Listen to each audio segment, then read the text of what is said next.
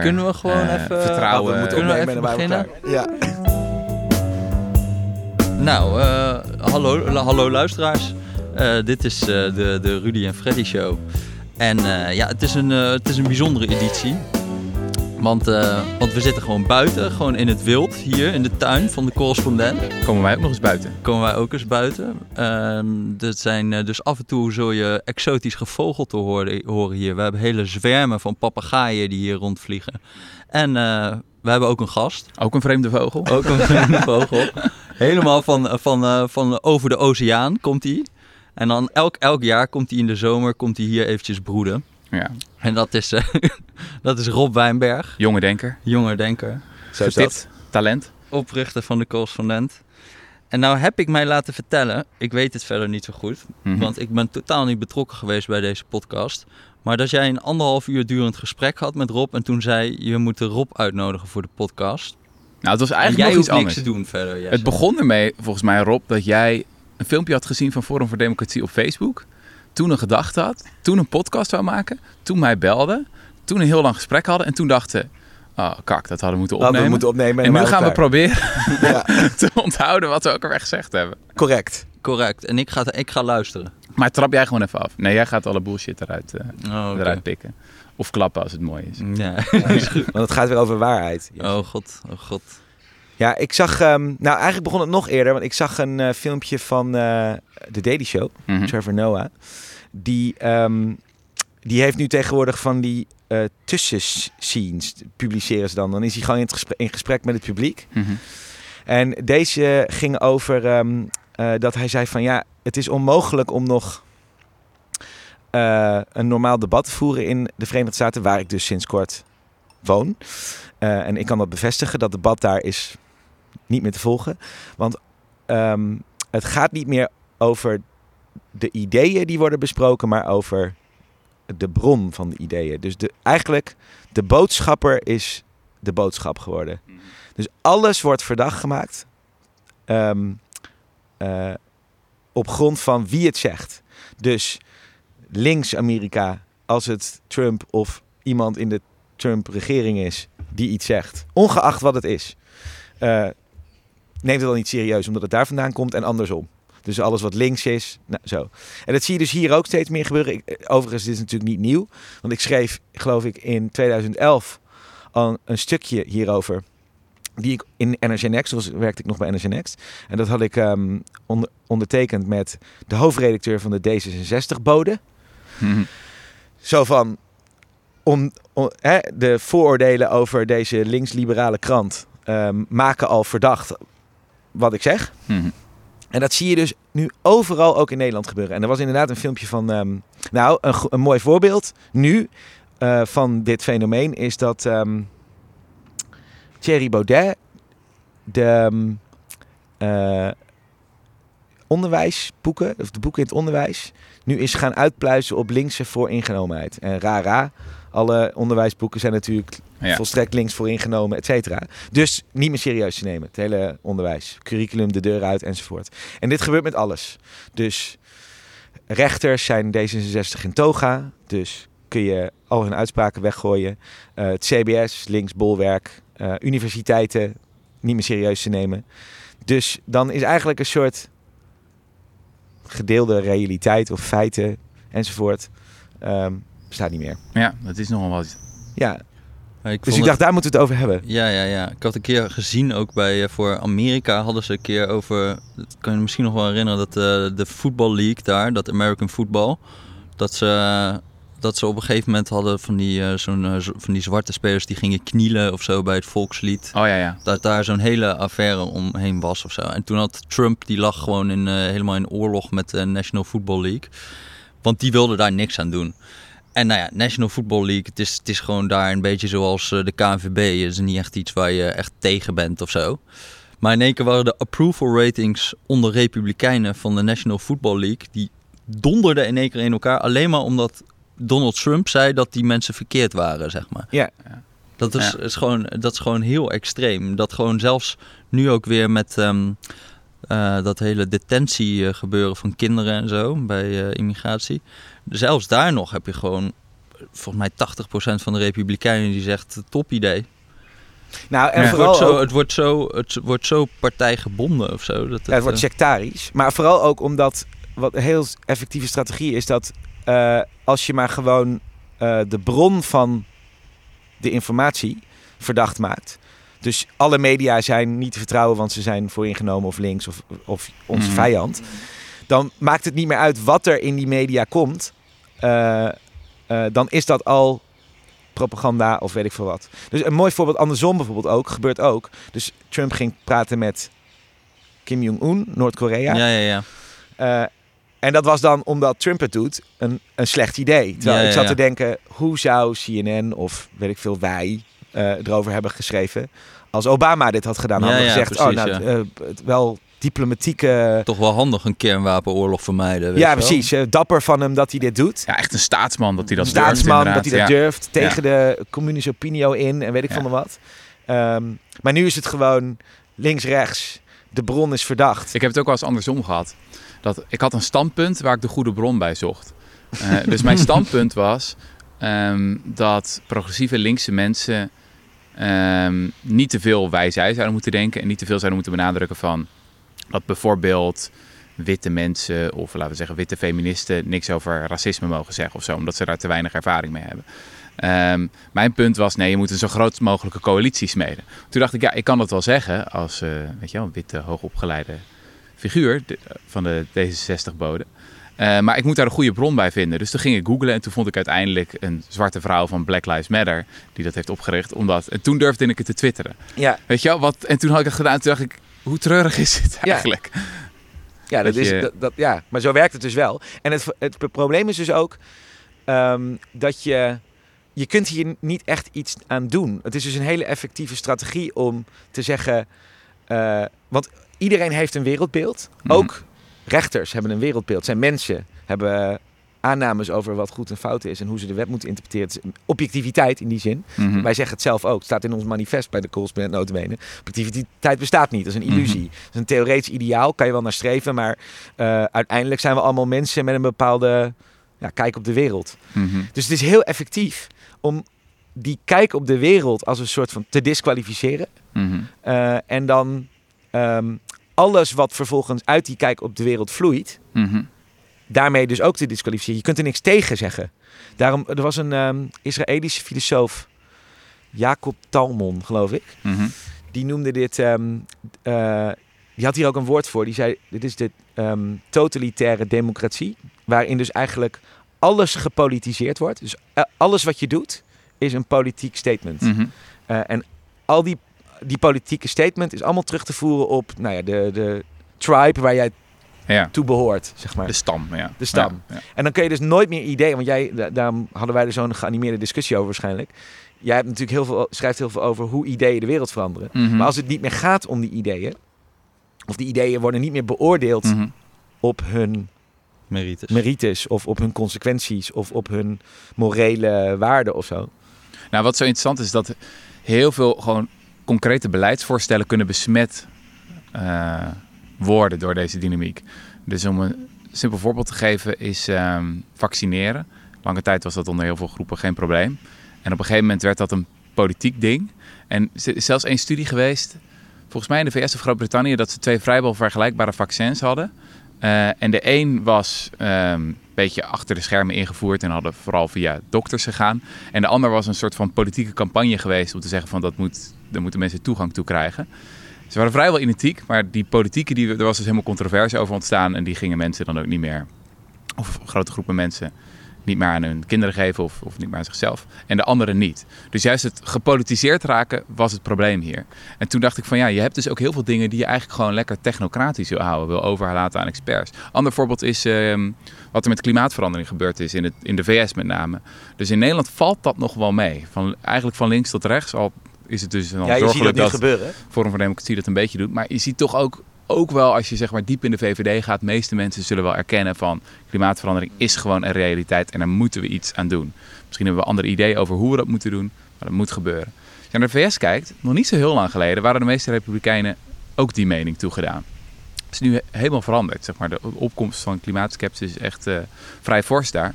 En volgens mij een belangrijk kantelpunt was dat Al Gore die film maakte, An Inconvenient Truth. Dus toen werd het ineens geclaimd door de democraten, zo'n onderwerp. Werd het gewoon het politieke sausje, of bijna het politieke gif werd erover uitgestrooid. En eh, dan lijkt het alsof zo iemand weet je wel, heel belangrijk werk heeft gedaan. En ik denk dat in belangrijke opzichten is dat ook zo. Heeft hij veel aandacht gegenereerd. Maar het had gewoon nooit zo'n politicus mogen zijn die dat, die, die film maakte. Want nu Nu is het van een gewoon... NASA-wetenschapper had een stuk meer. Ja, dat was veel beter geweest. Maar ik, ik kan ook nog een grappig voorbeeld wel noemen van hoe, dat, hoe dit ook wel gebruikt wordt door mensen die heel erg vanuit de inhoud vertrekken. Of vertrekken. Mhm. Ik had namelijk ehm, ik had gesproken met, ehm met Tweede Kamerlid van de CDA, dat was René Peters. En hij vertelde, ze hebben in het regeerakkoord op een gegeven moment zo'n schuldenparagraaf waar het gaat over van, nou ja, wat voor schuldenbeleid willen wij voeren. En hij had, ehm, zeg maar, bij het schrijven van zo'n regeerakkoord zaten ze eerst dus met GroenLinks bij die eh, eh, formatie. Wat ze dan doen is gewoon elk dossier opsplitsen. Dan gaan twee partijen, gaan de woordvoerders met elkaar praten over wat gaat het nou precies worden. En hij zat dus met iemand van eh, GroenLinks in het eh, begin, vertelde hij. Dat hadden ze zo die schuldenparagraaf geschreven. Enorme linkse dingen had hij er doorheen geschreven en zo. De En CDA had die CDA Ja, had dat samen met haar zo bekokstoofd. En eh, nou, dat ging dan, naar- dan gaat het naar de onderhandelingstafel. En toen Mark Rutte die kwam dat zo onder ogen. Die zei, Siebrand, wat is dit nou voor tekst? Vreselijk wat links. Nee, dat kan echt niet. Ja, sorry, dit gaat het worden. Nou, ehm, toen ging eh, GroenLinks er dus uit. En toen werd het eh, de ChristenUnie. Die moest het nog een keer doen. Mhm. En toen vertelde hij van, ja, toen heb ik eigenlijk, eh, heb ik eigenlijk gewoon een, precies dezelfde tekst qua inhoud. En toen heb ik gewoon een paar woordjes doorheen gestrooid, zoals eh, verantwoordelijkheid van de schuldenaar. En gewoon een beetje zo'n, eh, een beetje zo'n sausje van eh, dat het toch wat rechtser klinkt. kwam het weer aan de onderhandelingstafel en zei Mark Rutte, kijk, Siebrand, dat bedoel ik nou. Veel beter. Maar inhoudelijk het. dus hetzelfde. Inhoudelijk qua beleid is er gewoon niks veranderd, zei hij. Maar in één keer was het wel gewoon, viel het wel helemaal goed. En is dat dus vind ik ook wel. Ja, maar ik vind het ook wel logisch. Want het is gewoon, het is voor, voor, ook voor linkse mensen. Als wij ergens het woord neoliberalisme in zien staan, Ja. dan weten we dit komt van ons. Ja, Of zo. inderdaad. En dan uh, dit, dit, de afzender, die, die, die zal het wel goed bedoelen. Zijn En als, het, als, het, als ze rechts zijn, dan denken wij van, uh, uh, dan, die denken dan als het woord neoliberalisme zien van, oh, dat is er zo een. Ja, en je hebt gewoon niet Nederland de tijd zijn. om dingen altijd op zijn merites te beoordelen. Nee, dat klopt. Maar, je- Maar dus- het, het, kan, het kan ook doorslaan. Ja. Weet je hoe psychologen dit noemen? Moral reframing. Uh, dus het idee is dan dat je precies hetzelfde beleidsstandpunt hebt, maar gewoon andere diepe morele intuïties gebruikt om iets te verdedigen. Dus er is één psycholoog, Jonathan Haidt, die zegt dat er, er vijf of zes grote morele dimensies zijn. In de, je kan het een beetje zien als, als onze tong heeft allemaal plekken van waar we verschillende smaken proeven, weet je wel, bitter en zoet, et cetera. Hij zegt, je hebt ook de morele tong en er zitten allerlei verschillende smaken op. Bijvoorbeeld Um, de, de be behoefte aan zorgen voor elkaar of loyaliteit aan de groep of uh, je verzetten tegen oppressie, dat soort dingen heeft hij allemaal onder, onderscheid gemaakt. En wat hij zegt is van dat linkse mensen eigenlijk een hele eenzijdige morele keuken hebben. Dus allemaal recepten bereiden waar maar twee dingen in zitten, namelijk uh, gelijkheid en zorgen voor elkaar. Mm -hmm. En andere dingen als loyaliteit aan de groep of uh, sanctity, in, in het Nederlands zou je zeggen een soort van bepaalde heiligheid, voor het respecteren van de vlag bijvoorbeeld. Um, of uh, autoriteit, soort van belangrijk uh, dat je, nou ja, mensen met gezag, dat je die uh, eert. Daar doet links niet zoveel mee. Dus zijn standpunt is dat rechtse mensen veel betere morele recepten bereiden bij hun standpunten. Want ze hebben meer ingrediënten. Precies, ja. Dus het idee van moral reframing is dat je hebt een standpunt. Zeg, nou ja, je wil, laat ik iets van de potgeruk zeggen, je wil iedereen een basisinkomen geven. Um, dat kan je, dat kan je nou, natuurlijk op echt volstrekt onwillekeurig gekozen. ja. ja. Dat, dat kan je natuurlijk op heel veel manieren verdedigen. De linkse manier om te verdedigen is zeggen van ja, het is zo zielig dat het allemaal arme mensen zijn en het is wat het hartstikke erg en kinderen groeien op in armoede, daar moeten we iets aan doen. En het is trouwens ook uh, niet eerlijk dat uh, er zo'n ongelijkheid is in het land. Ja, dit krijg je dus als je buiten. Ja, dit is uh, wel zo'n helikopter meteen overvliegt. Hè? je zegt het woord basisinkomen en ze komen niet direct. ja, inderdaad. Dat is een zwarte helikopter. ja. Hoe het ook zij. Um, dus vooral op die gelijkheid en op zorg voor elkaar. Terwijl je als je, als je het breder moreel zou framen, dan zou je bijvoorbeeld ook argumenten kunnen hebben als. Uh, bijvoorbeeld, laten we zeggen, het groepsargument of het loyaliteitsargument. Wij zijn het beste land, dus wij kunnen als eerste kunnen we dit doen. Of, en het is alleen voor echte Nederlanders. Die kunnen dat basisinkomen krijgen, et cetera. Ja. Nou, dat zou je niet zo snel uit mijn mond horen. Nou, omdat ik dan ruzie krijg met mijn tribe. Uh, terwijl als ik misschien meer mensen zou willen overtuigen, dan zou ik betere morele recepten moeten bereiden. Maar die je hebt meer wel- mensen lekker vinden. Je hebt wel zo, het zo verdedigd, zeg maar, eh, wat dan een rechtsargument voor het basisinkomen kan eh, worden genoemd. Mhm. Dat je zei, ehm, eh, als je een basisinkomen aan iedereen geeft en maakt het universeel, dan heb je geen bureaucratie meer nodig om te Ja, controleren of je een uitkering Ja. mag hebben. Dus kleinere overheid eigenlijk. Ja. Hè? Je, je geeft het geld gewoon weg, want dan kun je de, de overheid kleiner maken. nee, dus je hebt wel wat trucjes. Maar het interessante is hier gewoon dat het inhoudelijk idee, dat maakt dus niet zoveel uit. En dat sluit sowieso aan op die hele tak van psychologisch onderzoek over, ehm, eh, hoe heet het, moral re... Hoe heet het? Moral reasoning? Reframe, reframing? Zo noemde je Ik het. heb je noemde het net reframing, eh Rutger. Nee, maar die andere, motivated reasoning, dat bedoel ik, ja. Motivated reasoning. Ja. Dus zeg maar, je hebt al een idee en je zoekt gewoon de argumenten erbij. Ja. En dan is het schokkendste nog dat mensen, hoe slimmer je bent, hoe beter mensen daarin zijn. Is dat zo? Ja. Hè, hoezo dan? Dat zie je toch aan die stukken van hem. ja. nou, maar dat is het. Dat, je hebt echt van die, van, die, van die studies gehad dat ze bijvoorbeeld eh, ehm, mensen die voor wapenbezit waren. En dan vroegen ze van, eh, nou, we hebben hier wat data en zo. Kan jij uitzoeken hoe gevaarlijk dat wapenbezit is? En nou ja, uit die data bleek vrij duidelijk van, nou, is heel gevaarlijk. Maar hoe beter mensen dan in wiskunde waren, hoe beter ze dat wisten te, te downplayen. Weet je wel, dat soort studies Ja, heb je dan. Dus je weet jezelf zeg maar beter voor de gek te houden als je slim wordt. Dus dat hele maatschappijleermodel van hoe onze politiek functioneert. Van nou, we gaan argumenten uitwisselen en je moet gewoon ja, goed onderwijs. Het D66-model, laat ik het zo zeggen. Ja, Eh, dat, ja, dat valt helemaal in elkaar als je dit soort psychologisch onderzoek gaat eh studeren. ja dus, maar dan is de vraag... Oké, je hebt een idee en min of meer automatisch... en dat gaat tegenwoordig sneller dan ooit, is mijn gevoel... Mhm. eh, valt dat idee eh, een soort predicaat ten deel? Links of rechts? Mhm. Eh, en dat wordt gewoon in een kamp geplaatst en dan vervolgens eh, wordt het, ja, ben je het verdedig, aan het verdedigen vanuit dat linkse kamp of dat rechtse kamp, of je bent het aan het disqualificeren om die reden. Ja. Dus basisinkomen bijvoorbeeld in Nederland, volgens mij heeft dat een soort links sausje. Ja, ja, Toch? Zeker, Links ja. imago. Ja, ja. Terwijl je het ook heel rechts zou kunnen Ja, verdedigen. en in andere landen is dat ook zo. Dus in, de, in Finland en in Canada is er een heel ander gesprek over. Komt ook omdat het een rechtse regering was geweest in Finland die dat experiment voorstelde. En in Canada is er een conservatieve senator, Hugh Segal, en die is al jaren voorstander hiervan. En die gebruikt dus ook andere type argumenten. Eh, voor een deel ook vanuit strategische overwegingen, maar die is veel meer op nadruk van, ja, we hebben zo'n paternalistisch, bureaucratisch moloch gecreëerd en daar moeten we gewoon, eh, kan veel efficiënter. Ja. Maar nou is volgens mij het probleem van links Mhm. dat links nog altijd sneller dan rechts, of meer dan rechts, Mhm. de hoop koestert dat dat predicaten plakken op dingen, dus het framen, Mhm. niet eh, overstegen kan worden. Zeg maar. Dus dat dat niet hoeft. Dus dat je, hè, daarom zie je vaak in, eh, in linkse ehm, argumentaties vaak dingen voor, van we moeten het over de feiten hebben. Of we moeten het over, we moeten eh, eh, niet onze vooringenomenheid of zo, moeten laten varen. Of Mhm. Ehm, nou, eigenlijk dit hele, hele reden waarom ik hierover begon. Zo van, ehm, eh, je wordt dan in een hoek gedrukt en dat willen we niet. Terwijl je zou ook kunnen zeggen, of tenminste rechts is vaak voor, voor mijn gevoel comfortabeler met het idee dat het sowieso geframed moet worden. ja. En dat het een de kwestie is van of je het jouw kant op framet of niet. Ja, Toch? Ja. Ja, dit is een van mijn meest politiek incorrecte meningen trouwens. Ik ben benieuwd of jij die deelt, Jesse. Oh, oh. Nou komt het. Nou, dat is namelijk... Je hebt heel vaak die discussie over wetenschappers zijn te links. En dan met name sociale wetenschappers zijn te links. En dan is de aanname van, ja, er zal wel een soort van selectiemechanisme zijn of zo... dat de rechtse weg worden gepest. Mijn politiek inco- incorrecte mening is als volgt. Ik denk gewoon dat als je lang genoeg sociologie bedrijft... of eh, veel andere takken van sport, ook geschiedenis... of eh, misschien ook wel voor psychologie... of in ieder geval sociale wetenschap... dat je geneigd bent om op een structureel niveau naar de werkelijkheid te kijken. Dus niet op, naar individuen te kijken, maar naar structuren. Dat je daar onherroepelijk Links stapje voor stapje. Ja, dat, Ja. dat is gewoon een beetje dat, dat wetenschap en links, dat is gewoon dat hoort op die. Dat is, en dat is misschien een beetje politiek incorrect, maar ik vind het best een logische verklaring. Ehm, want het is gewoon, als je naar de. ne- Neem iets als armoede of zo.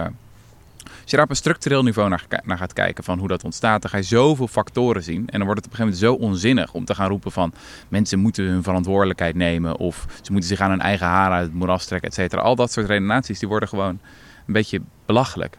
en eh, daar kan je ook gewoon geen papers meer mee publiceren op een gegeven moment. Nee. Dus ik zeg niet dat het voor alle onderwerpen geldt. Ik denk bijvoorbeeld migratie is een goed voorbeeld waar ehm, je volgens mij en er zijn ook voorbeelden van, van weet ik veel, Jan Latten van het CBS, die, hoofd, die demograaf, eh, of eh, Paul Scheffer. eh, eh, en, en ze zijn er wel meer echt wetenschappers die duidelijk denk meer rechtse standpunten eh, huldigen. Maar ik denk dat het over economische thema's gaat, of over armoede, dat soort dingen, is een klassieke rechtsgeluid gewoon heel moeilijk Nou. te verdedigen met wetenschappelijke argumenten. Ja, want hoe komt dat? Eh, Je zou kunnen zeggen, want ik heb dit, deze, precies dezezelfde controversiële mening over eh, onszelf. Aha. Ik zeg eigenlijk altijd dat als soort van... Hè, wij worden vaak een links medium genoemd. Eh, en dan voornamelijk door critici. Zo van, ja, het is gewoon links. Ehm, maar dat zit hem ook eigenlijk in de soort van opzet van wat wij zeggen te doen. Dus wij zeggen, we kijken niet naar incidenten of uitzonderingen die je vaak in het nieuws ziet. Daarom is mijn opvatting ook het meeste nieuws, het dagelijkse gebeurtenissen nieuws, zeg maar, Mhm. is rechts. Of rechts in zijn aannames, Ja. eh, eh, eh, filosofische aannames. Maar li- links kijkt sowieso meer naar structuur. Dus op het moment dat je zegt we zijn een dagelijks medicijn tegen de waan van de dag. En dat doen we door niet naar de uitzonderlijke gebeurtenissen van dag tot dag te kijken. Maar naar de ontwikkelingen en naar de structuren eronder. Dan, dan ga je vanzelf links praten. Mhm. Want li- links in die zin is ehm, als je criminaliteit, als je criminaliteit links verklaart, dan zeg je het komt door de omgeving, het komt door de, de, de jeugd die je hebt gehad, het komt door eh, de armoede waarin je opgroeit, het komt door de vrienden die je tegenkomt. Maar het is, eh, het is nooit, zoals op rechts, ja, het is gewoon een individuele verantwoordelijkheid. Jij beslist het verkeerde pad op te gaan, eh, dus jij bent een boef Ja, keihard Eh, aanpakken. kan je het aanpakken. Straffen helpt, want het individu voelt zich geroepen dat niet te doen als de straf maar hoog genoeg is. D- dat kan je wetenschappelijk niet uitleggen, want dat is individualistisch. Er is geen wetenschap te bedrijven op een, zo'n individueel uitgangspunt, toch? Nou ja, ja eh, ik, ben, ik, ben, ik, heb, ik heb bijvoorbeeld met, met schulden heb ik ook wel vaak dat ik, er, dat, ik, dat ik zat te denken, ik zou dit ook, als ik, nou, als ik nou heel erg rechts was of zo, dan zou ik hier ook makkelijk een verhaal over kunnen schrijven. Het is gewoon op welk niveau je kijkt heel vaak. Één ding bijvoorbeeld, je, je hebt gewoon mensen in de bijstand en daar heeft volgens mij iets van 15, 17 procent of zo, weet ik niet uit mijn hoofd precies, maar die heeft schulden bij de zorgverzekeraar. Maar dat betekent dat 83 procent dat niet heeft. En waarom hebben zij dat dan niet? Je zou kunnen zeggen, ja, blijkbaar kan je dus, het kan dus wel. En zij doen het en, en er is gewoon 15% die het, eh, die het niet doet. Mhm. Het is alleen, je moet wat subtieler van, ja, het risico wordt groter als je gewoon weinig inkomen hebt en zo. Maar ja, je kan ook gewoon zoveel van die verhalen van individuen die ik dan hoor, dat ik, dat ik het ook... Kijk, ik leg de focus heel erg op hoe gaan wij als maatschappij om met die mensen. Maar als ik het vanuit hun zou vertellen, dan zie je ook wel dat ze heel veel hele domme dingen doen. Ja, En ik vind dan van, ja, eh, je moet niet zo hard gestraft worden voor zulke domme dingen. En volgens mij is dat totaal onnuttig om dat te doen. Precies, maar dat zou, Maar- je, maar- zou je kunnen typeren als een linkse levenshouding, toch? Ja, ja, En, en die tegelijkertijd overlapt met de wetenschappelijke houding. In dit geval. Eh, ja, maar dat is toch niet. Het is, ik, ik, ik, ik ben niet zo'n de wetenschap zegt dat. Kijk, ik, ik vind het waarschijnlijk inderdaad dat het, als ik al echt iets aan wil doen, dan heeft het volgens mij niet zoveel zin om. Want dat doen we al 400, 500 jaar. Zeggen van ga jezelf verbeteren. Nee, dat. eh, ik bedoel, dat, volgens mij schieten we daar niet mee op. Nee, precies. Maar ja, ik ben een beetje Nee. bang gewoon voor zo heel hard Ja, zeggen. nee, de ook, wetenschap daarom zegt een ook- heleboel dingen Ja, namelijk. Kan ook, kan ook hele ongemakkelijke dingen zeggen over bijvoorbeeld wat heel goed werkt. Om Mhm. mensen aan het eh, werk te krijgen, is ze de bijstand uitflikkeren. Is gewoon echt zo. Mhm. Dat is, dat is heel, heel, heel spijtig voor ons misschien, maar het is wel zo. Maar ik vind niet dat het dan een goed idee is. Kijk, Nee, maar het gaat er we, niet we om- zoeken ook om niet altijd het makkelijkste. Er zijn echt wel dingen in de wetenschap die Ja. wij niet opschrijven. Nee, precies. Dus misschien is het ook dat nou, ik soort van hier prooi ben aan een enorm staaltje motivated reasoning. Ja. Dat ik gewoon, nou ja, de, wetenschap die ik lees, dat die allemaal heel toevallig klopt met mijn wereldbeeld. ja. Eh, maar ik vind het toch plausibel te maken dat. soort van, gewoon de manier van kijken, inderdaad. Dat je kijkt naar structuren en dat wetenschappers en, en linkse mensen er allebei toe geneigd zijn. Dus dat het daardoor ook plausibel is dat als je bijvoorbeeld, laten we zeggen, eh, lange tijd sociologie studeert, dat, dat de meeste sociologen niet extreem worden, maar wel ietsje aan de linkerkant van het spectrum gaan zitten. ja. Maar, het is, maar jij zegt een interessant ding, want jij zegt van, ik zie ook heel veel individuele gevallen van mensen die hele domme dingen doen. ja. En dan is dus de vraag, als je dan de vraag stelt, waarom doen ze dat? Dan kan je dus twee kanten op, in zekere zin. Ja, eh, filosofisch. Je kan de kant op die hij een keer heeft opgeschreven. Want jij hebt ooit een keer een stuk geschreven waarom arme mensen domme dingen doen. Mhm. Dat was dan zeg maar de structurele verklaring van dat gedrag. Ja. Dus dat heeft er dan mee te maken dat je eh, niet meer lange termijn kan denken, omdat je eh, niet genoeg geld hebt om op lange termijn te denken. Daardoor ga je korte termijn beslissingen eh, nemen enzovoort. Maar dat is een. De context gaat het over. dan gaat het over de, dan, wordt de context de verklaring van dat gedrag. En dat is links, je kunnen zeggen. Je zou ook dat domme gedrag kunnen individualiseren. Dus aan de persoon ja. toeschrijven. Dus ehm, hij denkt niet goed na. Of eh, hij is niet intelligent genoeg om deze beslissingen te kunnen Ja. nemen. Of zoiets. En volgens mij splitsen daar zich de filosofische Ja, wegen maar van het is niet het een of het ander. Het is natuurlijk een combinatie van die twee. Maar voor mij is het ook, stel dat, stel dat 70% gewoon aan de persoon ligt en 30% aan de maatschappij. Dan nog zou ik me liever gaan focussen op de maatschappij. Omdat dat tenminste nog iets is waar we wat aan kunnen doen. Mhm. Als het, eh, kijk, al was het 10% wat de maatschappij is, dat is nog steeds het enige waar we iets aan kunnen doen. En de rest, dat is blijkbaar een soort Het van leven, gegeven of ja. zo. Dan kunnen we gaan zwaaien met ons vingertje, doe het anders. Maar ja, goed, dat is allemaal een beetje zinloos. Maar daarom, dus, is maar dat dus- is meer, dat is niet wat de wetenschap zegt dat de structuren het belangrijk zijn. Dat weet ik niet zo goed. nee, maar, nee maar, maar volgens mij, juist omdat je zegt, eh, als je het vanuit de omgeving of vanuit de maatschappij of vanuit de structuur verklaart, dan kun je er tenminste nog iets aan doen. Ja, dat zou je kunnen zeggen, progressief. Eh, eh, en daarom eigenlijk elke tak van sport die aanbevelingen moet doen om Ja, de dingen ver- te veranderen. als je constructief wil zijn, dan ja. moet je wel... eh, Dan word je dus vanzelf links. Maar goed, Ja, tegelijkertijd ja, ja. is het ook waar. En daar is jouw schuldencampagne wel een mooi voorbeeld van, Jesse. Is dat als je succesvol bent, wil zijn op de langere termijn, dan moet je er alles aan doen Ja, om niet in het in links of rechts hoekje geframed te worden. nee. Dus dat jij met een CDA, ex-CDA-wethouder en uw Kamerlid dat zit te doen, dat is perfect. ja, Dat is perfect. Dat is helemaal waar je wil zitten. ja, Je wil niet vrienden worden met, met Jesse eh, of met Femke of whoever. ja. nee, maar Je wil dus echt vrienden worden met, met, met CDA'ers en VVD'ers. Daar lekker pils mee gaan drinken. En volgens in hun taal gaan praten. En, en jouw ideeën gewoon onder de tafel even... Maar dit, is dus, dit vind Mhm. ik dus heel interessant. Want, want we hebben het al een tijdje gehad over het probleem. En dat is zeg maar, eh, je kunt alles zo framen dat het jouw tribale omgeving uitkomt of juist tegenstaat. Maar jij bent er dus in geslaagd, daar hadden we het ook nog over. Mhm. Jij bent met die schulden-serie en dat onderwerp erin geslaagd om, ehm, laten we zeggen, die eh, kampen een beetje te overstijgen. En, en iedereen die erbij betrokken was, toch wel een beetje een soort van op één lijn te krijgen. En eh, een soort brede coalitie te smeden van mensen die zeggen, nou, we zijn het wel eens over wat de problematiek hier. En we zijn het ook wel min of meer eens over wat voor mogelijke oplossingen ja. daarover. Hoe, hoe kan dat? Hoe is dat gelukt? Want dat is eigenlijk waar iedereen Ja, maar het is gewoon een beetje wat Rutger ook zegt, denk ik hoor. Van gewoon woordjes en zo. Mhm. Je hebt het heel vaak gewoon. Eh, ik ga het niet zo echt hebben over. Wat een van onze punten was, zeg maar. ehm, stop de marktwerking bij deurwaarders. Dat is meteen het minst geslaagde punt.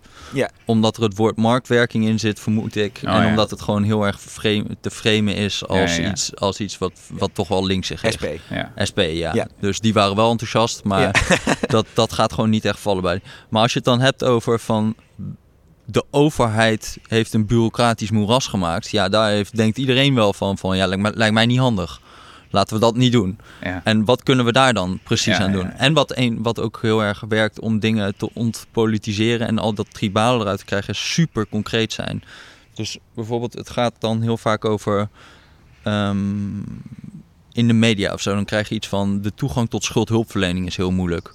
Oké, maar dat is geen beleid, zeg maar. Ik kan niet zeggen we willen de toegang tot de schuldhulpverlening beter. Want op zich, wa- waarom is het dan moeilijk?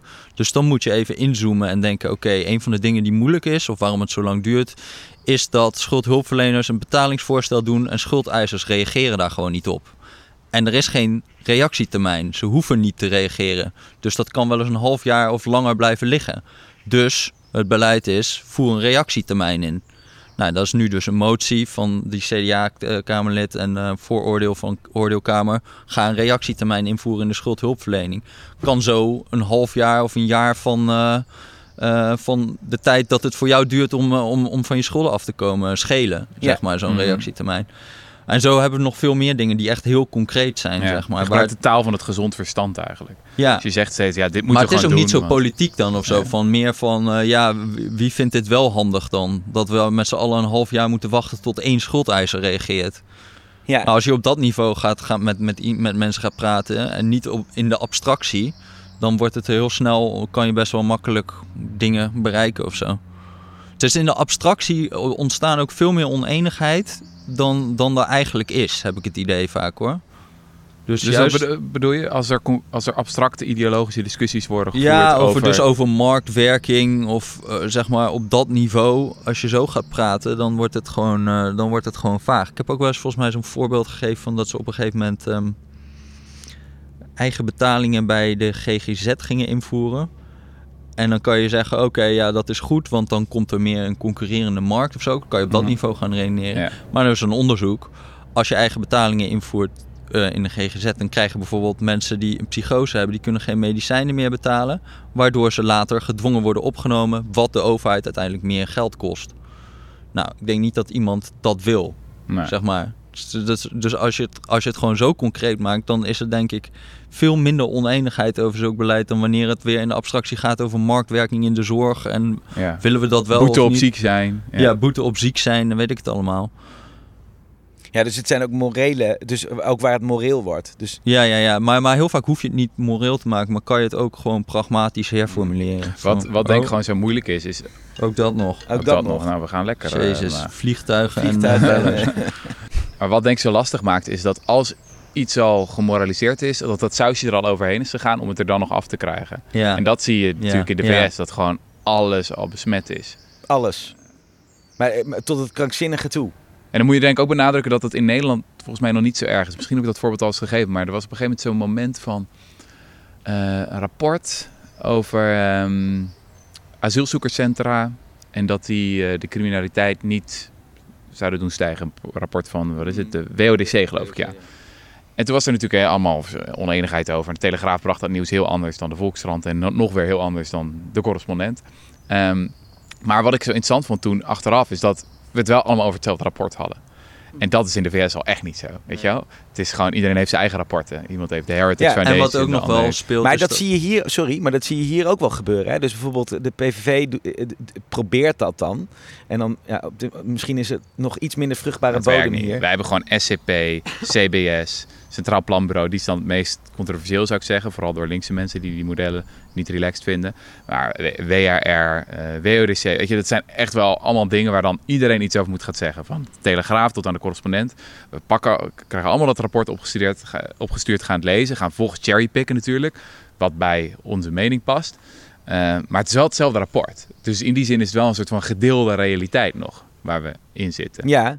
Nee, maar, maar daarin zie je ook de effectiviteit van de bron verdacht maken. Want wa- waar op, op grond waarvan wordt zo'n... De PVV bestelt dan zo'n rapportje ergens over Ja, dat de euro toch maar een mislukking is. Ze zocht het rapportje bij hun mening.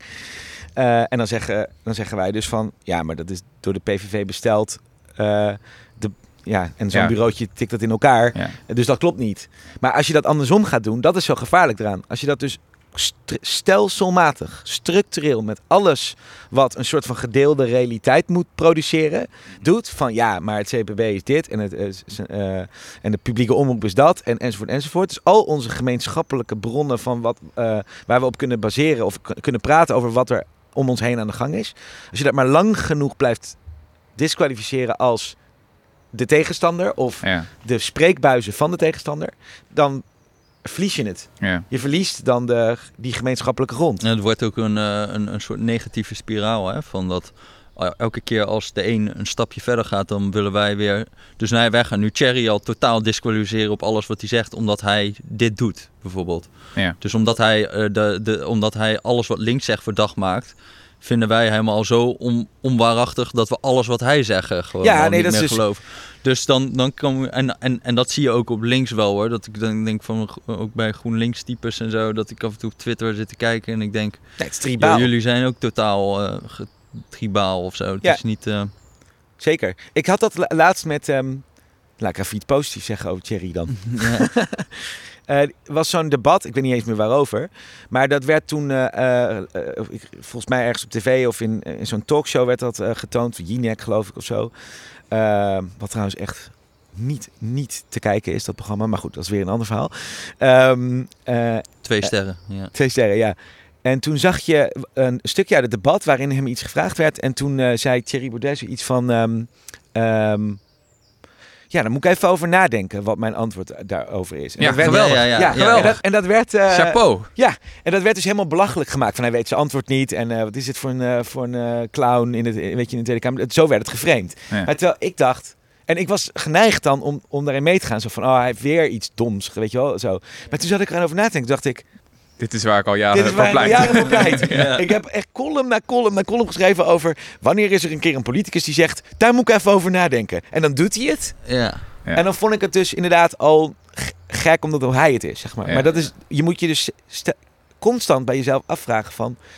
Vind ik de ge- ben ik nu me aan het leiden door degene die het doet... en wat mijn vooroordelen over diegene zijn... of wat die doet, of wat die zegt. Ja. Ja.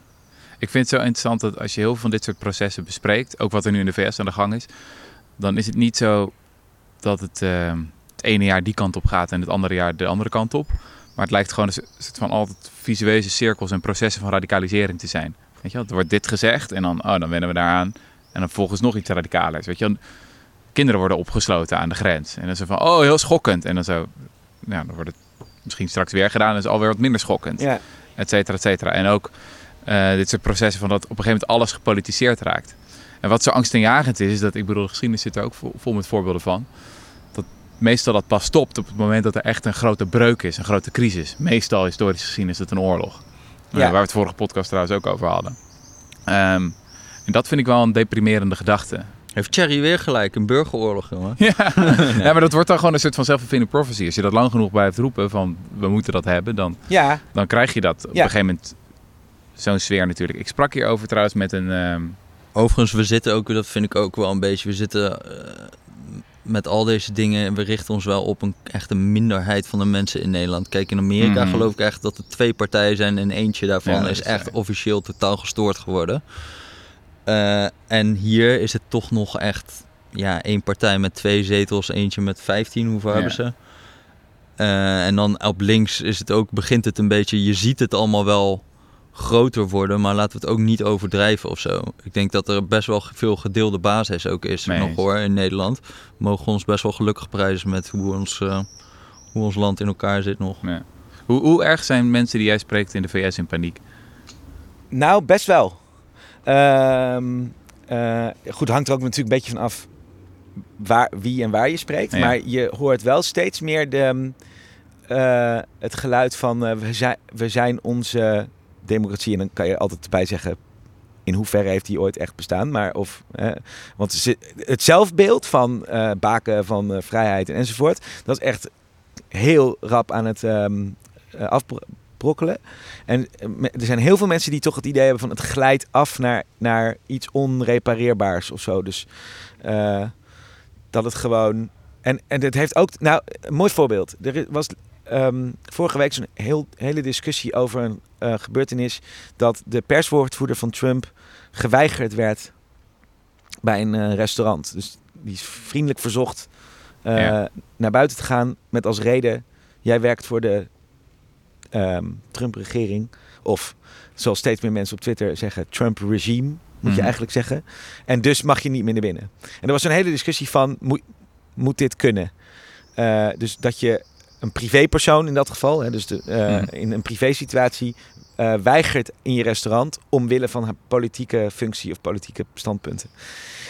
Nou, en, maar dat is een heel interessant moment, want ehm, aan de ene kant snap ik dus heel goed dat ze dat doen, omdat ehm, eigenlijk deze regering ehm, alle manieren om je onvrede over hun beleid, of dat nou kinderen scheiden aan de grens of wat dan ook is, eh, om, om die te uiten, alle normale democratische middelen om die te uiten, die disqualificeren ze. Want pe- peilingen zijn onzin, eh, eh, ehm, de media is fake news. Er is geen enkele manier meer om je, om zeg maar als een soort van publiek, nog te zeggen van dit keuren wij af en dat, het, dat die regering daar dan naar luistert. Normaal gesproken, als, als er een soort publieke opinie is die, die ergens protesteert of een demonstratie houdt of wat dan ook, dan wordt daar nog op gereageerd. Maar het lijkt wel alsof zeg maar, al die middelen soort van zijn, zijn eh, afgekeurd. Ja. Dus dan heb je nog maar één ding over. En dat is in real life, zeg maar, die mensen gaan lastigvallen. Dat is ook een paar keer gebeurd al met een paar andere mensen die bij de regering Trump werken. Dat ze gewoon worden ehm, nageschreeuwd. Of dat ze, hè, dan zitten ze in een restaurant en dan komt er een groepje demonstranten en die gaan het dan onmogelijk maken om daar rustig te eten. Ja. Ik denk dan van ja, ergens snap ik dat wel, want ehm, alle andere manieren om dat te doen, luisteren ze niet naar. Dus is dit de enige resort, zeg maar. Mhm. Aan de andere kant krijg je dus eh, het probleem van, ja, als je dit doorvoert, dan krijg je dus letterlijk gewoon, glijdt dat af naar een soort, Onbestuurbaarheid ook. ja, en een soort gewelddadige, Mhm. mogelijk gewelddadige hetsen, zeg maar. Mhm. Ja. Zoals je nu ook, dus Gooit nou nog meer olie op het vuur. ja, je gooit nog meer olie op het vuur. Ehm, waar stopt zo'n Cyclus. cyclus? Ja. Nou, en dat- waarmee stopt zo'n cyclus? Je kan natuurlijk betogen van, oké, het is goed om op een gegeven moment een keer een echt duidelijk statement te maken. Omdat je dat proces van normalisering wil doorbreken. Zeg van, oké, dit kan gewoon echt niet meer. Ja. Wat was het iemand die het voorbeeld gaf van eh, dat je Eva Braun weigert bij de opera. Dat zien we dan, zouden we dan nu zien als achteraf een, een zeer Een moedige heldendaad. daad, zeg maar. Ja. Dus er komt een moment dat dit een, hel een heldendaad wordt. Ja. Een beetje aftasten, wanneer zouden we dat zo zien?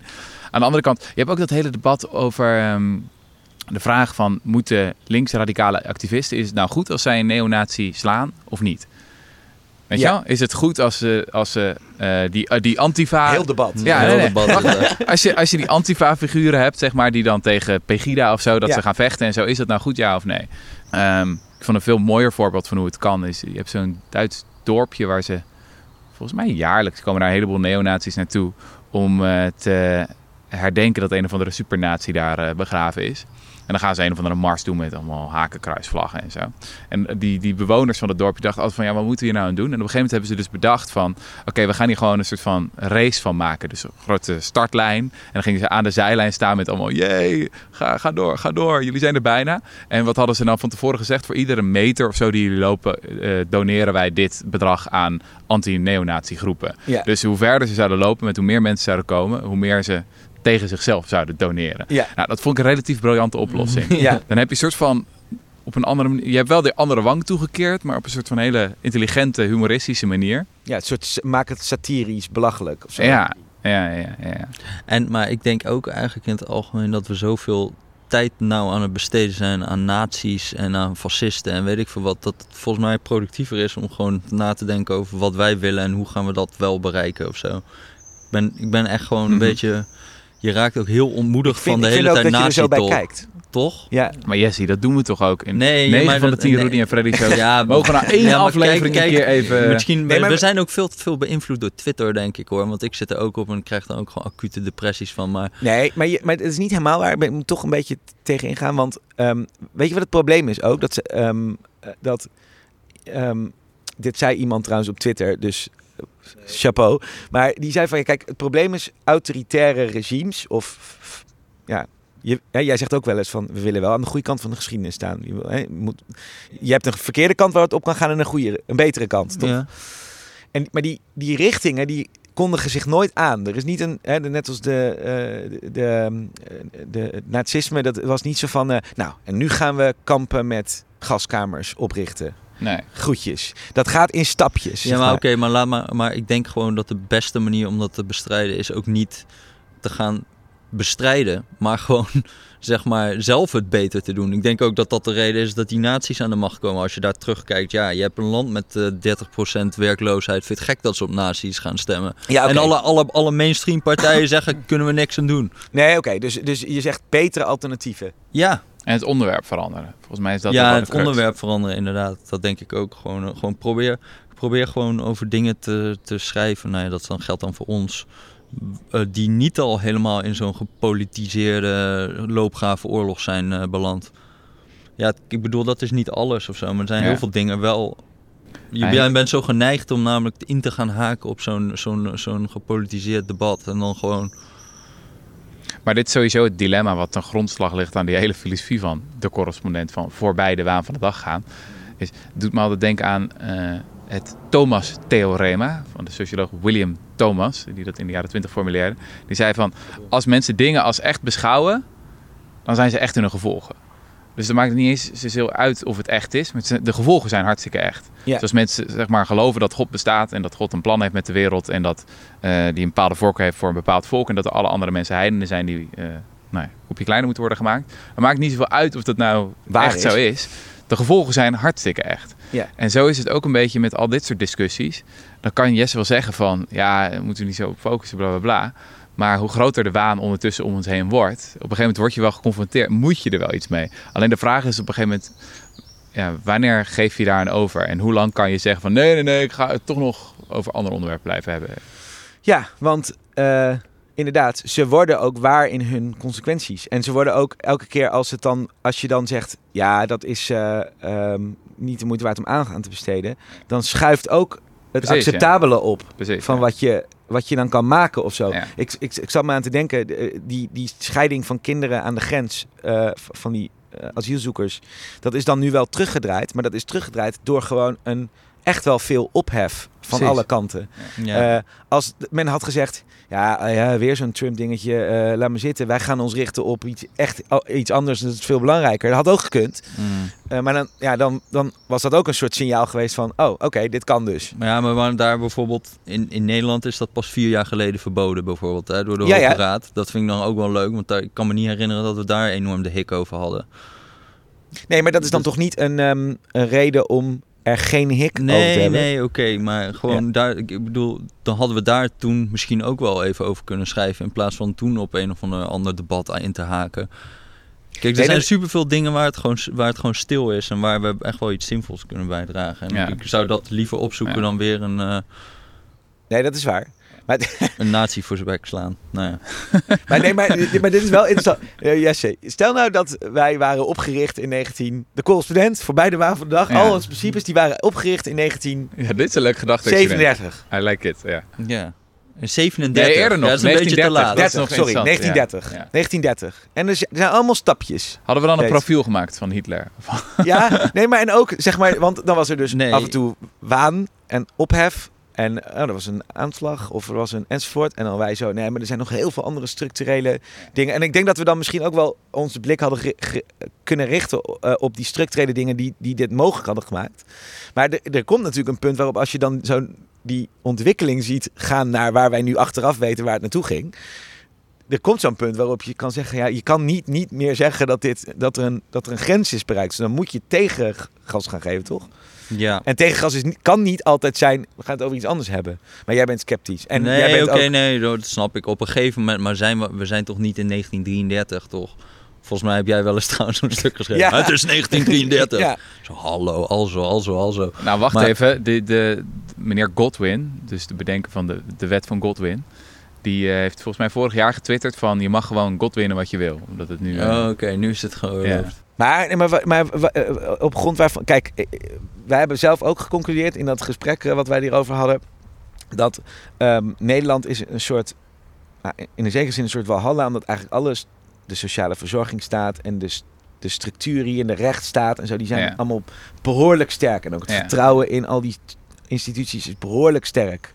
Dus wij zitten nog in een soort van eiland. Maar nou goed, ik weet niet ik, wat in Hongarije gebeurt of zo. Of ik zie nu ook in, eh, hoorde ik in eh, Spanje dat daar gewoon ehm, journalisten worden omgelegd. En ehm, dat eh, ehm, eh, kinderen van asielzoekers in soort hokken worden gestopt als een soort wisselgeld om politieke motivaties uit te buiten en zo. Ja, de, de vraag is een beetje wanneer is het wel erg genoeg of zo, Hm. toch? Ja, ja, ja. Jij hebt dan misschien het gevoel van het is nog lang niet. Nee, ja, oké. Ja, nee, ja, maar dit vind ik natuurlijk ook allemaal erg. Maar ik denk als je, als je echt wil dat er, iets, dat er iets aan gaat veranderen of zo, dat mensen andere keuzes gaan maken qua politiek, dan helpt het niet om de hele tijd te zeggen wat zijn ze fout, hè? nee, en dat nee. we daar nog eens Ja. gewoon heel erg op gaan focussen. Zoals Denk je gewoon column echt- gisteren. Ja, precies. Ja, inderdaad. Jesse had gisteren een column over Gerrit Salm geschreven. Ja, een jaarlijks ritueel. jaarlijks ritueel. overigens. Wat een Ja. vreselijke lul is dat. Maar goed, Staat genoteerd. lees die column. Hey, eh, tot slot eh, Rob, kan je nog iets vertellen over je, je plannen voor de komende tijd? Wat ben je, je bent nu dus even in Nederland, Oh ja. maar je woont in New York. Nou, ik ben dus samen met onze eerwaarde eh, uitgever, daar dan CEO genoemd, Ernst-Jan Fout, ehm, eh, naar New York inderdaad verhuisd. Eh, om dit, al deze briljante inzichten ook eh, verder te krijgen dan alleen maar dat kleine Nederland. Ehm, en ehm, ja, dat willen we dit jaar nog eh, eh, hopelijk van de grond krijgen. En we willen net als hier door leden gefinancierd worden, advertentievrij zijn, voorbij de waan van de dag. Want, nou ja, dat, dat kan eh, eh, het, Engelse taalgebied zeker gebruiken. Hm. In Amerika zeker, maar ook trouwens Groot-Brittannië en de rest van Europa. En we hebben ook steeds vaker, zie ik ook grappig, ik zie ook steeds vaker stukken bij ons voorbij komen waarvan ik denk, die verzoeken krijgen we ook. Nu weer bijvoorbeeld alle stukken van Arjen, Mhm. eh, van velen. van kan dit ook vertaald en kan dit de rest van de wereld ook bereiken? Want ik versta geen Nederlands. Dus daar zijn we nu mee bezig. We hebben, ehm, hebben we laatst ook op de Coolspend gezet. We hebben nu ruim 1,8 miljoen dollar funding, Lekker. runway funding, voor zo'n campagne. Van Soros. Nee, niet van Dat Soros. is toch twee keer het jaarsalaris van eh, Gerrit Salm. Dat is toch twee keer een jaar gezegd. Het zal, precies. Eh, nee, van ehm Omidyar Network. Eh, wat het, het fonds is van eh, Pierre Omidyar, oprichter van eBay. Eh, en van eh, Stichting Democratie en Media, het Nederlandse fonds, wat ons ook al hier heeft gesteund. En ehm, van Craig Newmark, de oprichter van Craigslist, marktplaats in Amerika.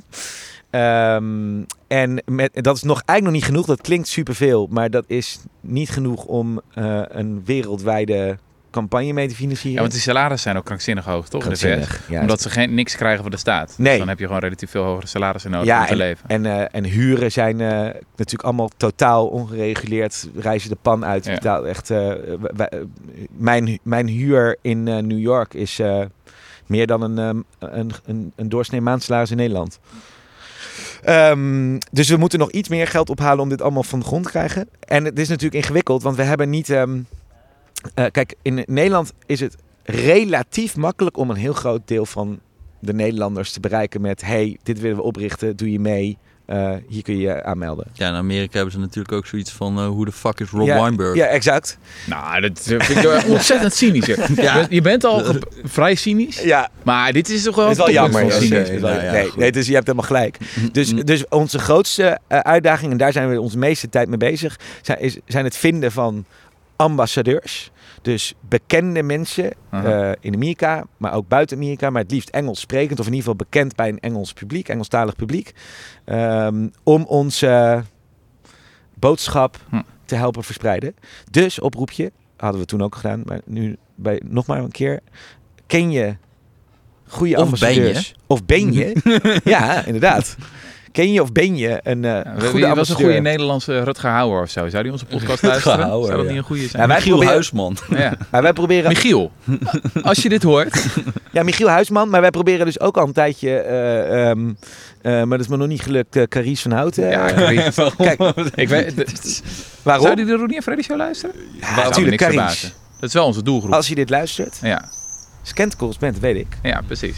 Ehm, die hebben we ook nodig. Nou ja, dus een beetje mensen, zoals in Nederland, maar het kan natuurlijk ook buiten Nederland, die eh, staan voor of zich kunnen vinden in wat wij doen. Eh, we hebben bijvoorbeeld, eh, niet, zo lang geleden hebben we koffie gedronken met Jimmy Wales, de oprichter van Wikipedia. Mhm. Nou, dat is natuurlijk een van, en hij vindt het geweldig wat wij doen. Hij zei ook, hij stuurde een mailtje met als onderwerpregel, we nemen het op tegen de Murdochs samen. Mhm. Want hij heeft ook zo'n eh, Wiki Tribune opgericht. Hè? Dat is ook zo'n Mhm. advertentievrij journalistiek platform. Eh, nou, zo iemand die eh, ehm, eh, weet dat als mensen kennis delen samen, dat daar iets fantastisch uit kan komen. Zoals het meest bezochte encyclopedie ter wereld. Ehm, dat soort mensen die zouden wij graag als uithangbord vragen om ons te helpen de wereld veroveren. Ja. Mag Vet. ik ook nog een oproepje doen? Ja, dit is misschien Dit is nog wel een mooi dit- moment voor Oh, ons. misschien voor wel mij. Wacht De even. grootste en de Nee, belangrijkste eventjes- oproep. Eh, Zal ik hem doen? Dat Jij is beter doet het voor wel je. even. Ja, want Ga ik maar. zal even de, de, de arbeidsfactor. Ja. Jesse belde mij eh, een paar dagen geleden op en hij was echt een beetje in zak en as. Want het is sowieso een moeilijke periode in je leven. Sowieso. Maar nog wel extra omdat je ook uit je huis wordt geknikkerd Ja, in Amsterdam. ja. Waarom en je mist, eigenlijk? je mist mij ook al een hele tijd. Nou, je hebt sinds 2016 de wet doorstroming huurwoningen. En sindsdien mag je tijdelijke huurcontracten afsluiten. En mijn contract loopt af. ja. En ze wilden hem niet verlengen. Dus dan, eh, dan moet je eruit. Dus, lieve luisteraars, hebben jullie een plekje? Wat moet het zijn? Hoeveel vierkante meter heb je nodig? Gewoon een bed, toch? Dat geeft niet. En Ik niet bedoel, zoveel. als het maar als ik zocht eh, op Funda onder de 800 euro in Amsterdam, dat waren alleen garageboxes. Dus Ja, ik geloof ja, dat ik. maar jij eh, doucht niet, toch? Dus dat is prima. Graag betaalbaar met een, met een schamel eh journalistensalarisje. Eh, mag ook in Utrecht, toch? Of niet? mag ook in Utrecht. Mag ook in Utrecht. Mag dat Waar in mag het nog Utrecht, meer ja? of niet? Ja.